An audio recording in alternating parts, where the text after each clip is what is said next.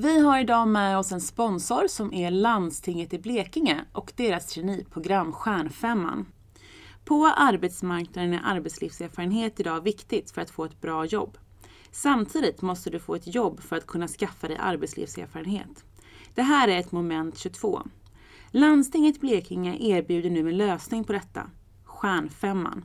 Ett traineeprogram som är unikt i sitt slag eftersom du kombinerar programmet på 25% med dina studier och på så sätt får den där viktiga arbetslivserfarenheten samt lön redan under studietiden. Låter det här intressant så får du gärna läsa mer på framtidsverket.com och kom ihåg att sista ansökningsdatum är 7 april. Vi söker i första hand dig som studerar inom data IT, systemvetenskap, ekonomi, juridik, fysisk planering och byggteknik. Så passa på och sök till Stjärnfemman.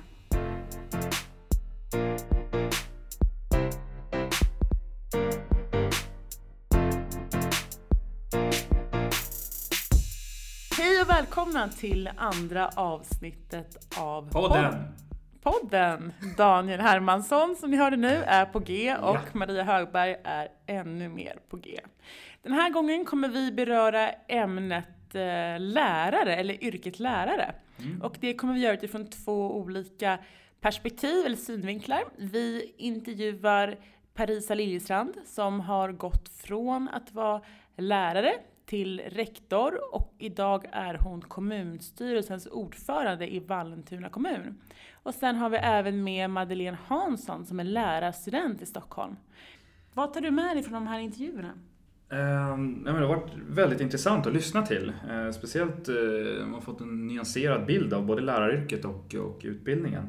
Eh, och det mest intressanta är väl kanske att man får höra det av just en eh, tidigare verksam lärare och någon som går lärarutbildningen. Och det är oftast man får höra andra debattera det här området. Eh, vilket inte, tycker jag, är lika intressant. Eh, Så man har fått höra mycket kring deras tankar och perspektiv och, och eh, tankar om karriärmöjligheter och så vidare inom läraryrket. Då. Men eh, då tycker inte jag att vi ska bli mer eh, långrandiga än det här utan vi rullar igång intervjuerna. Precis.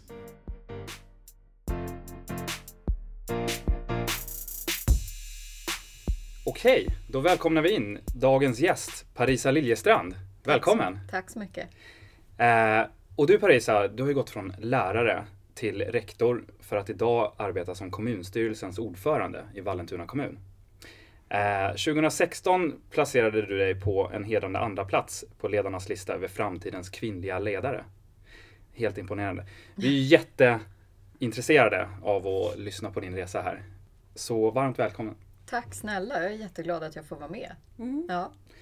Men eh, om vi börjar där. Du startade som lärare och eh, idag eh, jobbar du som kommunstyrelsen ordf- ordförande. Men liksom, hur började allting?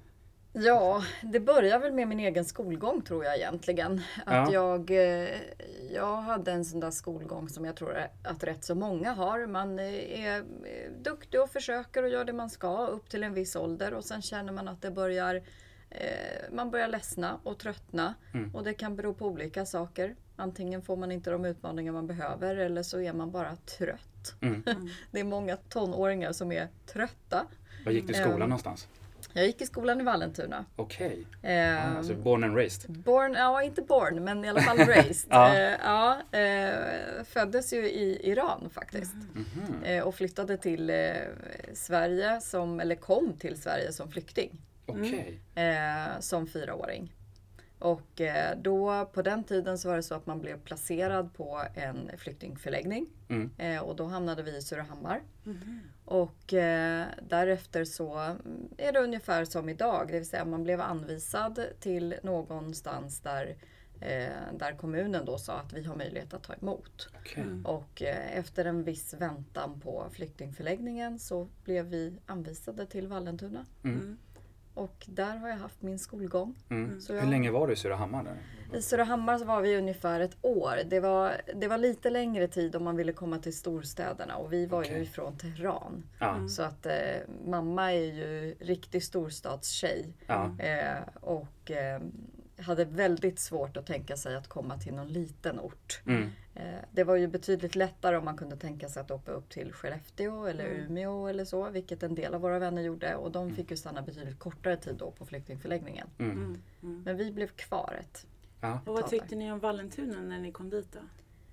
Kommer du ihåg det? Ja, det gör jag. Och det är väl en av de starkaste anledningarna egentligen till varför jag är politiskt aktiv idag. Mm. Ehm, och det handlar om att eh, vi fick en sån fantastisk introduktion in i det svenska samhället. Mm. Vi blev så väldigt väl mottagna.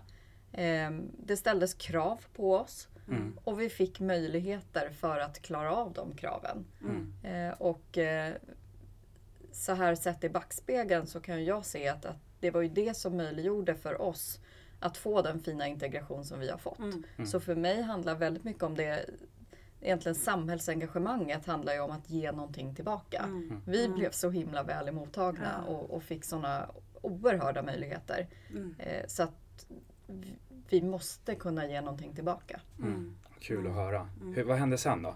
Gick Sen gick, jag, sen gick jag i grundskolan och i gymnasiet och någonstans där så kände jag att jag var ganska trött på skolan och det, Mm. var, det var rätt slitigt. Eh, och jag hade ändå relativt höga krav både på mig själv och även ifrån mina föräldrar att prestera.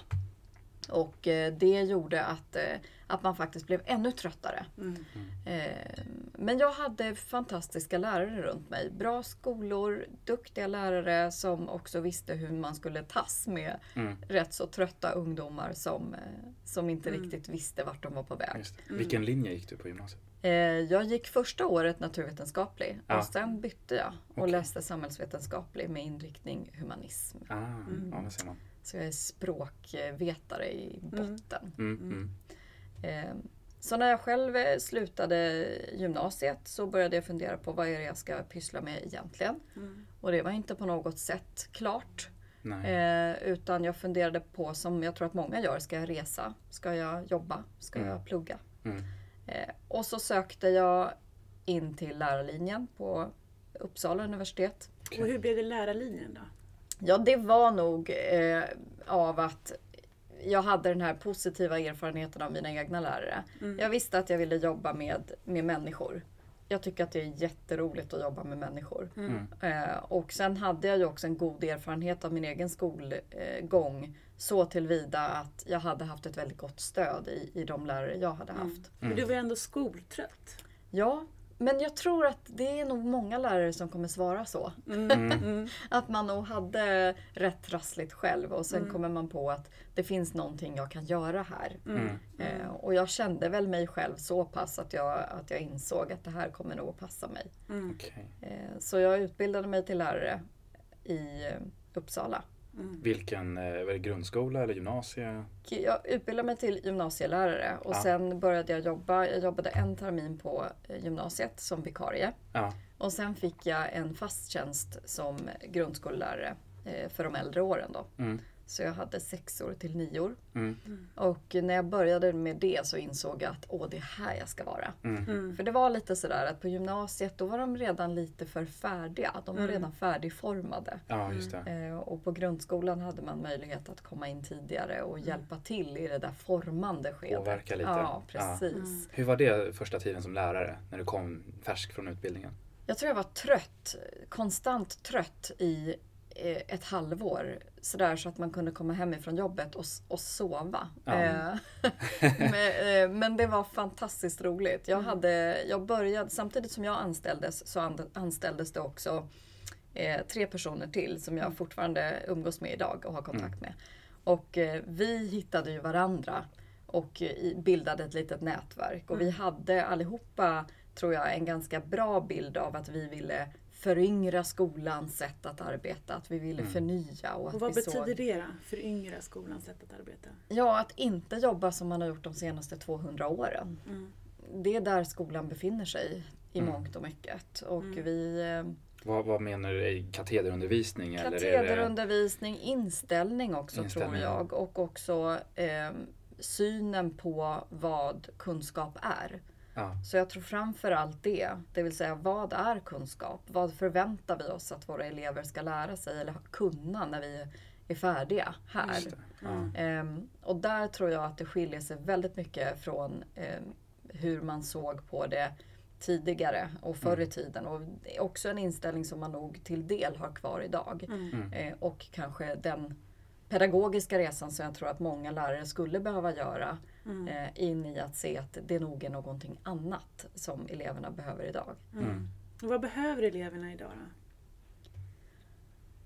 Jag tror att det handlar jättemycket om att se eh, kom, alltså utveckla kompetenser hos varje elev, hos varje individ som den kan ha nytta av fortsättningsvis. Mm. Jag tror att skolan är alldeles för fyrkantig.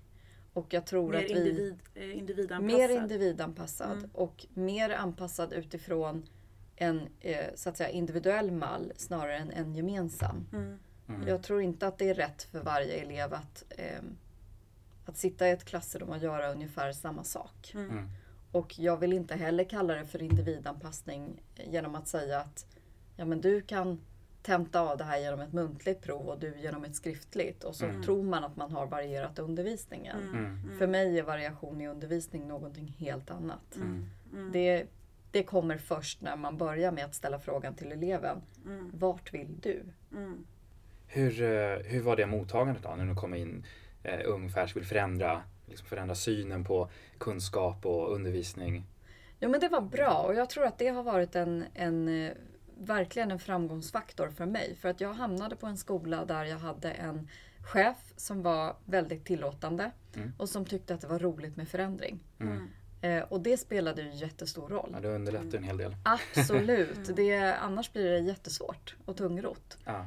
Tycker dina, tyckte dina, ni hade ju en liten grupp som var nyanställda, men de andra lärarna som jobbar längre, tyckte de att det var lika roligt eh, med en annan syn på undervisningen? Jag tror att det där, eh, det där slits man nog mellan även idag. Det vill mm. säga att komma som ny pedagog med sina tankar och att, så att säga, kliva in på en institution, på en skola där det redan finns ett arbetssätt och mm. sedan då försöka ge sig på att, att förändra men fortfarande ha respekt för den kunskap och kompetens som finns. Mm. mm. Eh, så att det måste få ta tid och jag tror att även i det här fallet så det fick ta sin tid. Mm. Mm. Eh, och jag, jag, är inte säker på att alla tyckte att det var halleluja moment att, eh, att vi klev in där eller att jag klev in där och, och tyckte att eh, det här är ett jättebra sätt att jobba på eller så. Mm. mm. Men det brukar ge sig. Mm. mm. Och oftast i klassrummet så ger det sig med att eh, man ser det på elevernas resultat. Mm. mm. Det vill säga när deras resultat ökar, kunskapsnivåerna ökar, betygen ökar, mm. då går det inte längre att ifrågasätta så att säga, det pedagogiska arbetssättet. Nej. Nej. Mm. då får man det ju svart på vitt. Ja. Men eh, tänker att då, när du kom in som lärare, hur var det att stå på den sidan och inte vara en elev utan att vara lärare? Det var, det var vansinnigt roligt. Det var mm. jättesvårt och fantastiskt roligt på samma gång. Mm. Eh, både det här med gränsdragning, det vill säga fortfarande har auktoriteten kvar och mm. ledarskapet kvar. Mm. Eh, men ändå bygga relationerna. Mm. Och det är där jag tror att, eh, eh, att skolan också behöver jobba väldigt mycket. Mm. Därför att vi, är väldigt mycket, vi har en väldigt fokus på kunskapsutvecklingen. Men mitt sätt att se på det är att jag tror att den kunskapsutvecklingen kommer per automatik om du skapar relationen först. Mm. Så att jag byggde hela mitt eh, klassrum på att vi ska lära känna varandra, vi ska ha respekt för varandra, vi ska ha roligt ihop. Eh, och framförallt ska vi ha förtroende för varandra. Mm. Och när vi har det, då kan vi börja bygga kunskap. Mm. mm. Eh, och det, ja, det lyckas ju inte i alla fall, men, men min upplevelse var i alla fall att vi hade, vi hade framgång i det vi gjorde tillsammans. Mm. mm. Vart befinner vi oss någonstans, det här första läraryrket du har? Är det, är det i Vallentuna? Det är i Vallentuna. Det är i Vallentuna. Ja, det är i Vallentuna. På en av de skolor där jag faktiskt tidigare gick också som elev. Aha. Ja, ja. Så det är på Ekebyskolan i Vallentuna. Okay. Mm. Och året är 2007. Mm. All right. Och där jobbade du tre år eller sa du det? Där jobbade jag, nej där var jag nej. kvar till 2012 ungefär fast i olika roller. Ja. Och jag jobbade renodlat som lärare fram till 2009 ungefär, så tre år som som lärare. Mm. Och sen började jag upptäcka ledaruppdraget. Mm. mm. Mm. Eh, och inte bara ledaruppdraget i klassrummet utan också möjligheten att leda pedagogiskt. Mm. Eh, och leda andra lärare. Mm. Mm. mm. Så att eh, efter tre år som lärare så fick jag möjlighet att kliva upp som arbetslagsledare. Mm. Och då fick jag ju så att säga ett högstadium under mig som jag fick leda. Det. Och det var ju fantastiskt roligt. Och då hade man ju ansvar så att säga både över den pedagogiska delen, över kunskapsutveckling, över hur bygger vi metodik i skolan? Mm. Hur ser vi till att våra elever faktiskt får det de ska ha mm. av oss? Mm. Eh, och samtidigt det organisatoriska som också alltid finns inbyggt i ledarskapet med eh, schemapusslande, eh, antal timmar, mm. eh, se till att lärarna har tillräckligt med planeringstid för att kunna göra en god undervisning men mm. samtidigt våga utmana mm. i tiden hos eleverna. Mm. mm. Så att det, eh, det fanns en organisatorisk eh, så att säga, förmåga som fick utvecklas i mig mm. under de här åren också. Har du några tips på liksom, hur, hur gjorde du för att göra den här karriären? Jag tror att, man, eh, jag tror att det är viktigt att, att fråga sig själv lite grann vilken, vad inom, inom så att säga, läraryrket eller ledarskapet är som lockar. För det som är med läraryrket är ju att du är ju ledare hela tiden. Mm. Och du, du måste så att säga lära dig ledarskapets hantverk ganska så tidigt. Du förväntas kunna det redan när du, när du är färdig på, på universitetet. Mm. Och det där eh, tror jag att det är många som lite grann glömmer bort och det beror nog också på hur lärar eh, det beror också på hur lärarprogrammet idag ser ut. Det vill säga mm. man har plockat bort stora delar av det som handlar om metodik och ledarskap. Mm. Idag undervisas man framförallt i kanske ämneskunskaper mm, mm. Eh, och man har en viss så att säga, pedagogiska, en del pedagogiska kurser också. Mm, mm. Men en hel del av det som är ledarskaps utveckling och en hel mm. del av det som är metodik. Ja. Eh, det har vi tagit bort ifrån lärarutbildningarna idag och det ja. tror jag är jättesynd. Och det här är faktiskt mm. det, är, det är precis det som vi får höra av lärarstudenterna. Ja. vi saknar metodiken, vi saknar ledarskapet. Just det. Eh, och de frågar oss om vi kan fixa ja. liksom, mm. lärare från, som, som är verksamma lärare som kan komma, komma ut till universitet och berätta om det här. Ja. Så att, eh, det, det är ju en samsyn där. Mm. Mm. Verkligen. Men hur skiljer det sig att eh, leda elever och leda kollegor då?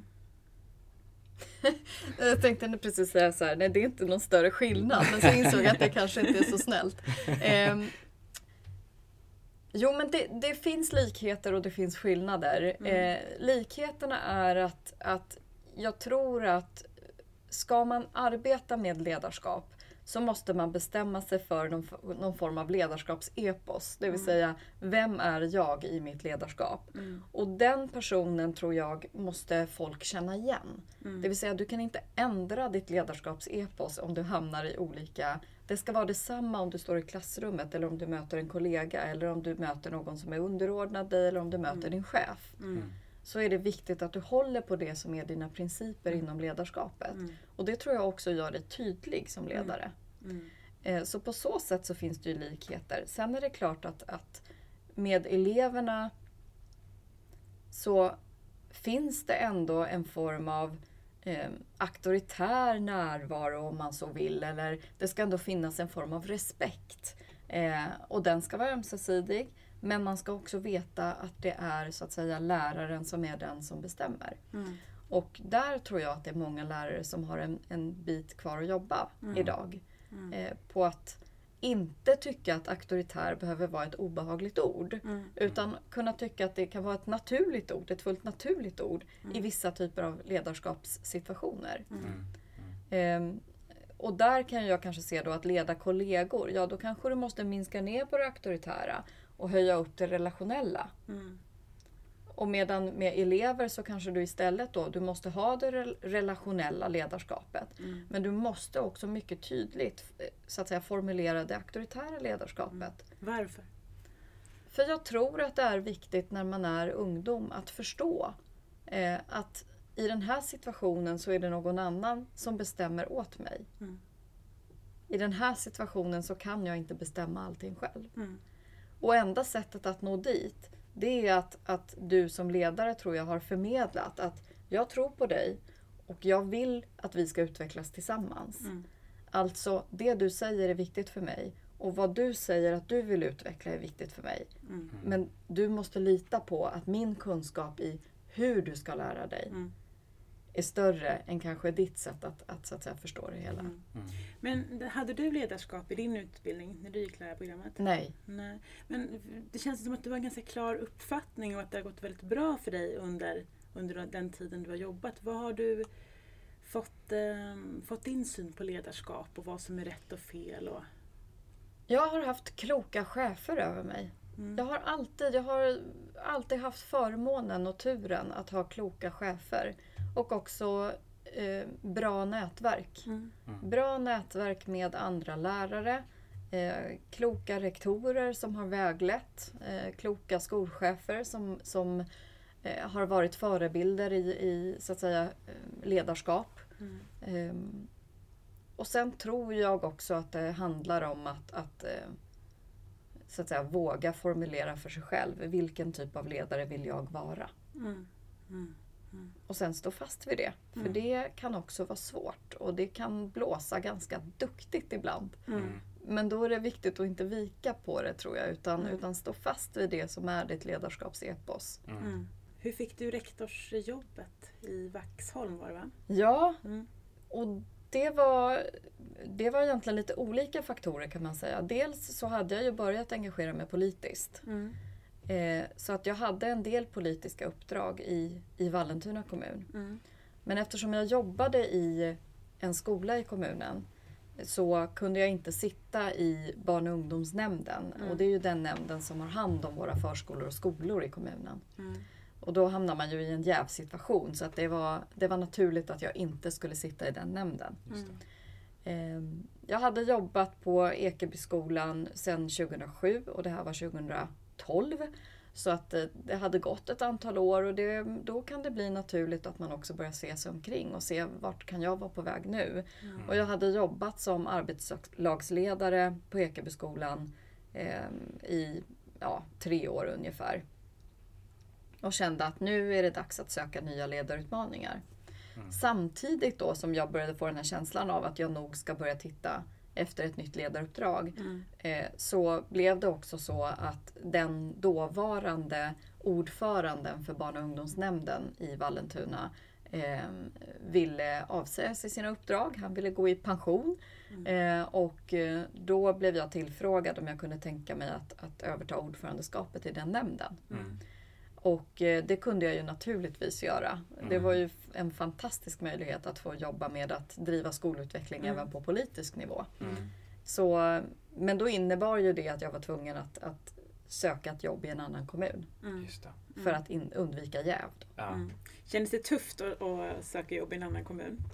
Nej, jag tror att där jag var så var jag ganska redo för det. Och jag, mm. även där ska jag säga att den dåvarande chefen jag hade var eh, väldigt uppmuntrande. Hon såg också att jag var färdig på Ekebyskolan och hon såg mm. också att jag behövde nya uppdrag. Mm. Och där, det där har jag tagit med mig i mitt ledarskap vidare. Att faktiskt våga uppmuntra kollegor eh, att ta steget vidare när man ser att de är färdiga. Även om deras kompetenser må vara eh, ja, det är kompetenser som man inte vill bli av med. Mm så är det ändå viktigt att man uppmuntrar varandra i att se att nu, nu ser jag att du behöver komma vidare för att du ska utvecklas, mm. för att du inte ska stanna av. Mm. Så hon var väldigt uppmuntrande även där. Mm. mm. Hur var utmaningarna eh, som rektor i relation till lärare? De var tuffa. Eh, det, allting ställs på sin spets. Ja. Och du har ett, som rektor har du ett väldigt brett ansvar. Du har ansvar över i mitt fall 300 elever. Mm. Eh, du har ansvar över ungefär 50 pedagoger. Eh, du har ansvar över allt ifrån arbetsmiljö till, till ehm, tillsyner av olika slag, till ehm, ja, elevärenden, elevhälsa och så vidare. Så att det, var, det var tufft men samtidigt så var det precis där jag behövde vara just då. Mm. Det var den utmaningen jag hade saknat och det mm. var det jag var ute efter lite grann. Mm. Men kändes det, för då bytte du skola. Mm. Eh, påminner den här skolan om din tidigare skola eller var det en helt ny arbetsplats? Eller hur? Det är vitt skilda skolor och vitt skilda arbetsplatser. Det fanns inte mycket som påminde om varandra i dem.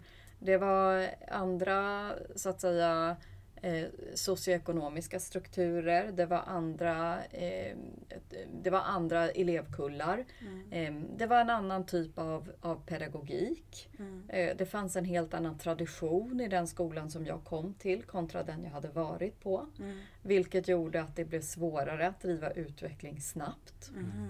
Och jag är ju en sån där som lite grann kan köra för fort. Alltså nu mm. går tåget och sen har jag gasat och så mm. råkar jag glömma bort att det står ett gäng kvar på perrongen. Mm. Och på en sån här skola så fick ju jag jobba med mitt eget mm. ledarskap i att mm. faktiskt klara av att hålla tillbaka. Mm.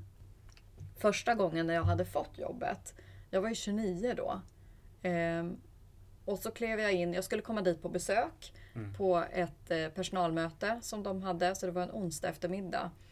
Och eh, jag klev in i deras personalrum och de satt eh, i soffor runt eh, ett, ett soffbord. Och det var ungefär 25 lärare där inne. Och så presenterade jag mig själv och de fick presentera sig och jag sa några mindre välvalda ord kan jag mm. tänka mig. Var du nervös? Det, ja, det var jag. Mm. Absolut. Mm. det var jag. Um, och, eh, och jag sa väl någonting om hur jag ser på, på skolutveckling och vad jag vill och att jag uh, ser fram emot att börja jobba någonting mm. åt det hållet. Och sen så tackade jag för mig för jag skulle bara vara där på besök och sen skulle jag gå för de hade ju personalmöte. Mm. Så jag tackar för mig och då hör jag när jag vänder mig om eh, så är det någon som säger så här Ja, vi kommer i alla fall ha den yngsta rektorn i Vaxholm. och då kände jag att jaha, jag har lite att jobba med här. Ja. Eh, och det där tror jag, det där har, är genomgående tror jag för mig i, i egentligen alla yrken och alla uppdrag jag har haft. Mm. Att det har varit lite lilla gumman. Mm. Eh, Mm. den typen av jargong. Dels för mm. att jag har varit mm, ung om man så vill i de uppdragen jag har haft. Ehm, jag, är, jag är kort, mm. jag är invandrare och jag är kvinna. Mm. Eh, och, så att det blir en form av, av underdog, eh, underdog situation mm. mm. eh, som hela tiden återkommer. Mm. mm. Och eh, någonstans så bestämde jag mig ganska så tidigt, redan när jag som 19-åring klev in i kommunfullmäktige i Vallentuna och, och fick så att säga den här lilla gumman-känslan. Eh, redan där bestämde jag mig för att nej, jag ska gilla underdog-rollen. Mm. Så. Mm. Jag tror att är, man har hört det här på sina håll. Man pratar med vänner och med, med andra studenter och med kollegor och andra kollegor som man tidigare jobbat med. Eh, att många upplever den här eh, ja, men lilla gumman eller liksom att man har en eh, för stor roll för sin ålder eller vad man nu kan tänkas ha. Hur, hur gjorde du det här konkret då? Hur, hur fick du det här fungera bra? När du väl kom in? Ja, jag tror att eh, eh, hårt arbete. Hårt ja. arbete för att visa att det finns en kompetens bakom. Mm. Och att man inte har blivit anställd på några slags eh, eh, kvoterings, liksom, kvoteringsprocesser. Utan nej, att jag, jag är här för min kompetens och ingenting annat. Mm. Eh, och då, då krävs det hårt arbete. Mm. Och när, när det ska så att säga upp till bevis, mm. eh, då krävs det också att du jobbar etter hårdare. Mm. Eh, så, att säga. så att den förväntan som fanns på mig var ju jag tvungen att överbevisa. Mm. Mm. För att få så att säga, respekten att utföra mitt uppdrag. Har du känt att du har blivit mer noggrannare granskad på grund av den här underdog-rollen? Ja, det tror jag. Och jag vet inte om det handlar om att jag är noggrannare granskad. Jag tror snarare bara att, att det finns fördomar. Mm. Eh, och jag tror att, att de fördomarna är vi nog inte ens medvetna om alla gånger. Mm. Utan den där, jag tror inte alls att det var illasinnat. Att den meningen slank ut. Och den mm. medarbetaren som sa det, mm. eh, han och jag, vi, vi känner varandra väl idag och mm. gillar varandra jättemycket. Han är mm. världens härligaste. Mm. och en jätteduktig pedagog är han också. Mm. Vad säger han idag då? Nu när ni är vänner? Och ja, men vi, vi garvar ju åt det. Ja, Vi garvar ju åt det. Och någonstans kan jag också förstå perspektivet. För det här var en skola som hade haft Eh, ganska trassligt med rektorer över en tid. Det hade varit lite strul och, och eh, man hade fått klara sig ganska mycket själv mm. på lärarsidan. Mm. Och då förstår jag också att det finns en form av, av eh, olust egentligen inför den här typen av så att säga eh, en auktoritär figur som kommer in och ska kalla sig för rektor och så mm. helt plötsligt så är, ser den inte ens ut som man hade förväntat mm. sig. Mm. Mm. Men det är ändå, tycker jag, man kan komma undan med en sån kommentar. Med, med, alltså, jag förstår att du inte gick på där men det finns ju ganska många sådana kommentarer som som eh, du säkert har stött på och andra har stött på som man liksom eh, bara får ta med sig och knyta näven i fickan och tänka att nu ska jag överbevisa dem. Mm. Eh, vilket också kan bli, det kan ju bli en drivkraft men eh, man kan ju också bli fascinerad över att de, de får sägas. Mm. Och något annat som vi också så märker, som vi pratar mycket om, det är ju kommentarer om offentlig sektor mm. med studenter. Att det är ingen som är egentligen direkt eh, blygsam med vad man tycker om offentlig sektor hos de som inte har kunskap om det. Mm. Utan man kan säga ganska enkelt att eh, nej men jag passar inte att jobba i offentlig sektor. Jag är ju driven och jag har ju bra betyg och Just det. jag tänker mig mera något coolare bolag. Mm. Varför tror du liksom, vad, vad tänker du kring det? Jag tror att man har en, en eh, väldigt märklig bild både av sig själv och av offentlig sektor. Mm. Eh, när, när den typen av kommentarer eh, flyger genom rummet så att säga. Jag, jag tror att eh, Självklart så finns det en, en, en en, en, kanske en gammal eller förlegad bild av vad offentlig sektor är för någonting. Mm. Och jag tror att det säkert ligger en del i den bilden. Jag tror att offentlig sektor, om man tittar tillbaka, kanske mellan 20 och 40 år tillbaka i tiden, så fanns det ju inte krav på effektivitet, att man skulle hålla budget, eh, att eh, det skulle vara kvalitet i verksamheten och så vidare. Mm. Men idag ser ju verksamheten helt annorlunda ut. Mm. Oavsett var inom offentlig sektor du jobbar mm. så har du egentligen samma krav på dig som om du skulle jobba inom privat sektor eller inom ett bolag av något mm. slag. Ibland har du till och med hårdare krav mm. på dig därför att du är inte bara statligt styrd eller styrd via så att säga ett, ett bolag, så att säga reglementen eller vad det nu kan vara för någonting. Utan du har också eh, krav och mål på dig som kommer direkt uppifrån politiken och ifrån fullmäktige som talar om att det här ska vi klara av i den här kommunen. Mm. Så utöver att du måste klara av att leverera kvalitet och hålla budget så ska du också leverera eh, uppfylla mål mm. som där du kanske måste verkligen tangera och stretcha din kunskap för att klara av att leverera upp till de målen. Hur är det att jobba som kommunstyrelsens ordförande? Det är det utan tvekan tuffaste uppdraget jag har haft. Mm. Och samtidigt är det det roligaste jag gjort. Mm. Någonsin. Mm. Eh, jag hade ingen aning om vad jag skulle förvänta mig. Och eh, första dagen på jobbet, jag kliver in och till ett tomt rum och så ingenting i almanackan.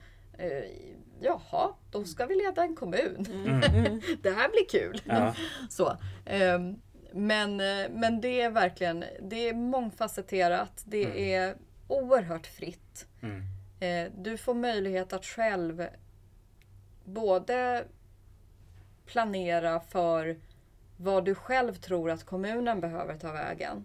Mm. Ehm, det krävs en omvärldsspaning och det krävs också att du känner dig själv väldigt, väldigt väl. Klarar mm. jag av det här som vi nu är på väg åt? Mm. För att det kräver ändå att det finns en person som står bakom och som orkar driva. Mm. Nu är ju så att säga, min roll är ju en person. Jag har ju bakom mig för det första ett helt parti mm. och sen en hel allians. Mm. Mm. Och det är klart att vi driver ju saker tillsammans. Men jag är ju den enda som är heltidsarvoderad. Jag är ju den enda som jobbar med det här till 100 procent. Mm. mm. Och då blir det ju jätteviktigt att, att jag känner att jag dels är um, så att säga, har båda fötterna i myllan kring det jag gör. Mm. Och också att jag tydligt vet vart vi är på väg. Mm. Den här uh, utbildningsdelen som du ändå liksom har vuxit upp från. Är den, brinner den fortfarande allra starkast för dig? Ja, det gör den. Ja, det gör den. Ja, jo, men det gör den. Det är så. En gång lärare, alltid lärare. Ja. Och jag tror att, eh, jag vill tro i alla fall, att trots att det är många som väljer bort läraryrket idag som kanske har en examen i det, mm. så tror jag att skulle du fråga dem så skulle de säga att fick de göra det som de liksom utbildade sig till att göra, det vill säga undervisa, mm. ja då skulle de välja det. Mm. Jag, kan, du, ja, kan du sakna någon gång den här undervisningen? Eh, varje dag. Ja. Ja, jag har ju fortfarande kontakt med massor av mina gamla elever mm. som idag är vuxna. Det är jättemärkligt. Ja, det kan jag tänka mig.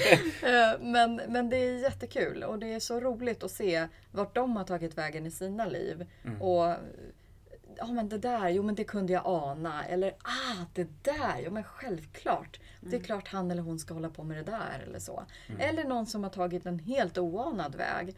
Mm. Och där jag kan känna, wow vad modigt. Hoppas att jag kanske var en del i att skapa det där modet mm. hos den mm. personen. Eh, och kommunstyrelsens ordförande, jag vet inte hur många studenter som har det som drömkarriär heller. Nej. Um, hur, hur tror du att man eh, ska jobba för att förändra det? Nej, jag, tror, jag tror att Eller ska det... man förändra det?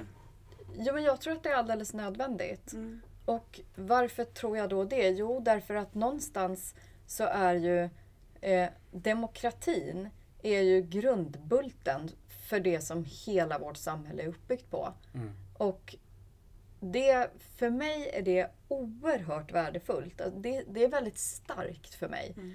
Därför att vi flydde ju ifrån någonting där man tog ifrån oss så att mm. säga den form av demokrati. Det fanns ju inte en öppen demokrati som det gör här ändå. Men mm. den lilla form av demokrati som folket kände att man hade, den mm. blev man fråntagen. Mm. Och det blev, kom istället eh, en del tvång som vi vände oss emot, bland annat religiösa tvång och annat. Mm. mm. Som gjorde att vi faktiskt valde att lämna vårt hemland. Mm. Så att för mig är så att säga den demokratiska botten som som, som hela svenska samhället är uppbyggt på, den är ju jätteviktig. Mm. Mm. mm. Och det är ju hela politikens spelplan, mm. är ju demokratin. Mm. Mm. Och därför så tror jag att det är så viktigt att vi, att vi får folk att bli intresserade av det igen, av politik och att vilja engagera sig politiskt. Och så att, att se att, att det finns saker man kan göra inom politiken där man gör skillnad för samhället, för samhällsutveckling. Mm. Och, och det har ju med hela så att säga, den demokratiska grunden att göra. Mm. Mm. Och det vi ser nu är ju att, att eh, färre och färre väljer att engagera sig politiskt. Eh, färre och färre, färre väljer att gå till valurnorna, mm. att faktiskt rösta. Mm. Och eh, i olika typer av undersökningar så visar det sig också att färre och färre tror att man som politiker eller genom att rösta på politik faktiskt kan göra skillnad. Mm. Och då är vi i ett ganska allvarligt läge. Mm. För då handlar det inte bara om att man så att säga känner att, att politiken är utmanad utan det är egentligen samhällets grundkonstruktion som är mm. utmanad. Mm. Mm. Och var är vi då? Varför tror du den här utvecklingen har kommit? Det finns en osäkerhet just nu i omvärlden som också smittar av sig i Sverige. Mm. Eh, och eh, det finns många som jag pratar med som har levt betydligt längre än jag och har mycket mer erfarenhet än vad jag har som säger att det har aldrig känts så här osäkert. Mm. Och eh, jag tror att det säger väldigt mycket om det samhällsklimatet vi har i Sverige också. Mm. Så att jag tror att, att där vi är idag är ett resultat av hur det ser ut i vår omvärld mm. och hur vi då omsätter det i vår egen praktik. Mm. Okej, men eh, jag tycker vi går vidare i programmet med det vi kallar för fördomshinken. Mm. Och det är en hink här som vi har samlat med frågor som studenter kunnat skicka in med eh, fördomar som de har om offentlig sektor. Spännande. Yes, mm. får vi se vad du får här då. Går det att göra karriär inom offentlig sektor?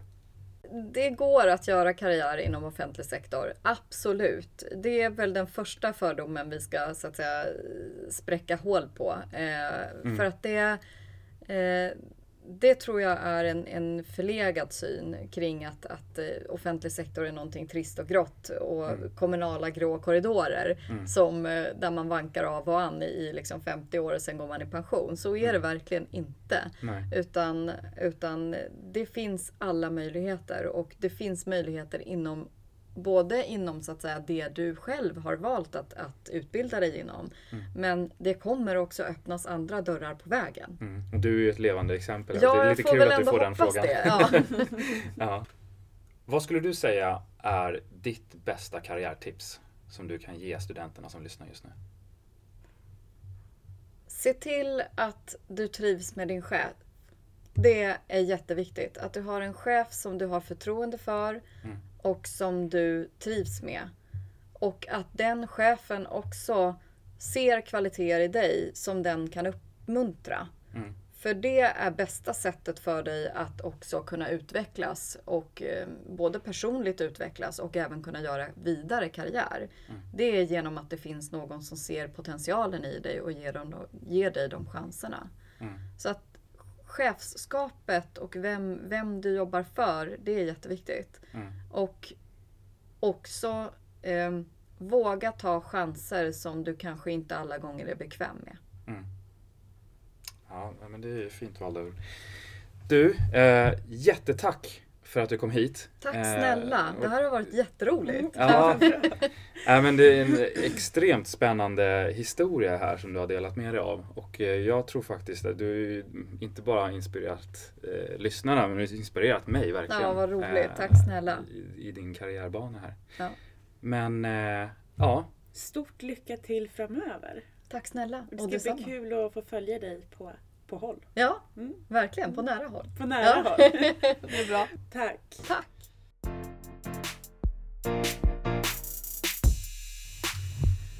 Bra, då tycker jag att vi går vidare eh, i andra delen av podden. Och vi har med oss nu en student, Madeleine Hansson, som pluggar på lärarutbildningen eh, på Stockholms universitet. Välkommen! Tack så mycket! Jätteroligt att ha dig här. Jag tänkte först eh, bara, kan du berätta lite kort om dig själv? Yes, eh, Madeleine Hansson alltså, 27 år gammal snart. Eh, pluggar nu eh, till mellanstadielärare på Stockholms universitet. Mm. Och jag har ja, höstterminen kvar då. Eh, den ursprungliga utbildningen är fyra år och jag har förlängt med en termin så att det kommer bli fyra och ett halvt mm. till slut. Mm. Varför läraryrket? Ja, jag har alltid hållit på med musik hela mitt liv och eh, var efter en tvåårig solosångsutbildning eh, tänkte jag på Musikhögskolan mm. och sökte och eh, kom inte in för att jag inte är så bra på piano. Okej, okay, det ja. måste man vara för att gå där. Ja, precis, det måste okay. man. Ehm, jag kände väl någonstans att lärare ville jag bli mm. och mm det är väl nog första gången tror jag som så här, föräldrar och familj runt omkring har sagt så här, ja, mm. äntligen föll den biten på plats. Mm. Jag gillar nog att lära ut, lära folk saker och mm. har väl den här pedagogiska och organisationsförmågan, eller ja, mm. vi skojar om det på utbildningen att det är typ en gen. Mm. Som många besitter. Som, ja, som, som man måste besitta som ja. lärare också. Ja. Ehm, men också såklart, alltså läraryrket i sig, den här variationen mm. som finns. Alltså även om man har samma lektioner och tiderna varje dag kan se likadant ut så är ju aldrig en lektion mm. densamma. Nej. Just för att mm. eleverna, jag menar man har ju typ 30 ungdomar eller mm. barn som gör allting så spännande. Mm. Liksom. Och de vill lära sig. Och mm. bara det känns ju fantastiskt eh, inspirerande mm. och kul att få vara med och liksom göra en skillnad för typ framtiden. Mm. Mm. Men eh, du har ju lyssnat här till eh, Parisa och mm. prata om hennes resa. Eh, vad är dina spontana reflektioner efter, efter det? Eh, spontant så, eh, det här med ledarskapet tyckte jag var, hon var väldigt on point. Att Mm. Det handlar om liksom, man måste själv lite veta hur man vill vara som lärare. Mm. Och då kan man vara, alltså vet du själv hur du vill vara som en ledare så spelar det ingen roll om du står liksom inför en klass med tioåringar eller om du står inför liksom ett företag med kollegor. Att det har så mycket med ledarskapet att göra. Mm. Och att det inte finns då så mycket i mm. utbildningen. Ja, Parisa pratar ju om det. Vad är det ni berör gällande ledarskap i utbildningen idag? Inte så mycket, tycker jag. Mm. Eh, det jag kan bara så spontant tänka på är att vi läste en liten, liten kurs i retorik. Mm. Hur man ska tala och det här med tretal och, mm. och, och, så. Mm. Men eh, alltså inte så här på rak arm, nej, inget speciellt. Alltså vi har ju, våra, vi har ju praktiken såklart. Mm. Och där får vi ju testa på. Den blir liksom, vi har fyra praktikperioder under hela utbildningen. Mm. Och den blir liksom lite mer och mer avancerad för varje gång. Mm. Så där får man ju testa på. Fast då slängs man ju också lite ut i det direkt. Mm. Fast då med en handledare. Mm. Så att, men jag kan inte nog tycka att vi övar på det eller så. Nej. Så där kan du Innan. hålla med om att det är något som behöver kompletteras mm. i lärarutbildningen? Ja, alltså visst, av erfarenhet efter varje praktikperiod så blir man ju liksom mer och mer säker. Fast mm. det är fortfarande lite skrämmande för att man vet ju inte riktigt ändå. Mm. Liksom. Mm. Men är det någonting som du känner att du vill förändra med skolan och utbildningen när du kommer ut som nyexaminerad lärare? Alltså jag tycker jag kan hålla med om att hon, vad hon menar med det här att man har kanske den här lite gamla synen. Men det är inte förrän man kommer ut i skolorna som man märker att det, det känns som att det är mycket mer fördomar än vad det faktiskt kanske är så. Mm. Att där liksom, nu har jag i och för sig haft väldigt tur och haft en fantastisk handledare som liksom bara tänker nytt och, eh, ja, överhuvudtaget att man är handledare är ju att man tar in en student som kanske kommer med nya idéer från en nytänkande utbildning eller så mm. um, men Alltså inte sådär direkt. Men, men jag menar, man märker att det finns en krock i hur skolan har varit eller anses vara och att vi kommer ut då mm. med en ny, liksom, nytänk. Och nu ska de, det är ju typ femte gången som de ändrar om utbildningen mm. för lärare också. Mm. Så att det blir ju ännu större krock då. Mm. För alla ska liksom med sina förutsättningar få ihop skolan mm. också. Mm. Som blir lite tokigt kanske. Men om du tänker eh, på intervjun med Parisa som vi hade, vad mm. tar du med dig därifrån mer? Finns det någonting som du känner att det där fick mig att tänka till? Alltså det var nog det som jag sa där med just att alltså ledar, det är så viktigt att komma underfund med hur man vill ha det i klassrummet. Mm. Och det är så nog jag tänker lite också med utbildningen och varför jag valde mellanstadiet och inte högstadiet. Um, just för att, och jag kommer nog absolut tänka mig att ut, vidareutveckla min utbildning och gå sen till högstadiet. Men där måste man ju verkligen veta och peka med hela armen i vad man vill ha för ordning i klassen och sådär. Mm. Det måste man väl visserligen med mellanstadiet också. Men jag tänker att med några års erfarenhet där och när man verkligen så har byggt sin egen grund på något sätt. Mm. Vilket är synd att man måste göra efter utbildningen, att man inte mm. får möjlighet riktigt. Alltså just det här ledarskapet och, och så. Men, ja men att som sagt senare sen när man vet, det kan ju vara liksom bara en, en fånig grej att ja, i det här klassrummet så har vi inte keps på oss. Nu är inte jag för en sån regel, men bara att man vet det och mm. håller på det mm. gör ju att man får mer respekt av eleverna än att man liksom fladdrar runt lite och ja, idag får du ha det, idag får du inte ha det liksom. Mm. Ja, precis. Mm. mm. Och konsekvent. Mm. Ja, men det här precis, konsekventa liksom, tänkandet och ord, alltså, ordningsreglerna och sånt där. Så det vi kan sammanfatta både intervjun med dig och med Parisa, det är att ledarskapet behöver bli betydligt tydligare i utbildningen. Ehm, för att det är en viktig del utav läraryrket. Stämmer det? Ja, det tycker mm. jag. Mm. Nej, men, eh, tack så jättemycket för att du kom hit Madeleine. Tack eh, själva. Det är alltid spännande att få en students perspektiv på de frågor som vi behandlar. Ehm, och är det några lyssnare där ute som har några frågor, antingen till oss eller eh, till Madeleine, eller vill få tag på eh, henne eh, för att anställa henne som lärare kanske, så mejla på info.framtidsverket.com så fixar vi kontakten där. Då var andra avsnittet av podden inspelat och klart. Och har ni några tankar och funderingar kring det här så går det alltid bra att mejla oss på info.framtidsverket.com Tycker ni att det finns någon där ute som ni vill att vi ska intervjua är det bara att tipsa om det. Känner ni själva att ni är en bra ambassadör för offentlig sektor så är det bara att höra av er om det också. Puss och kram! Hej då!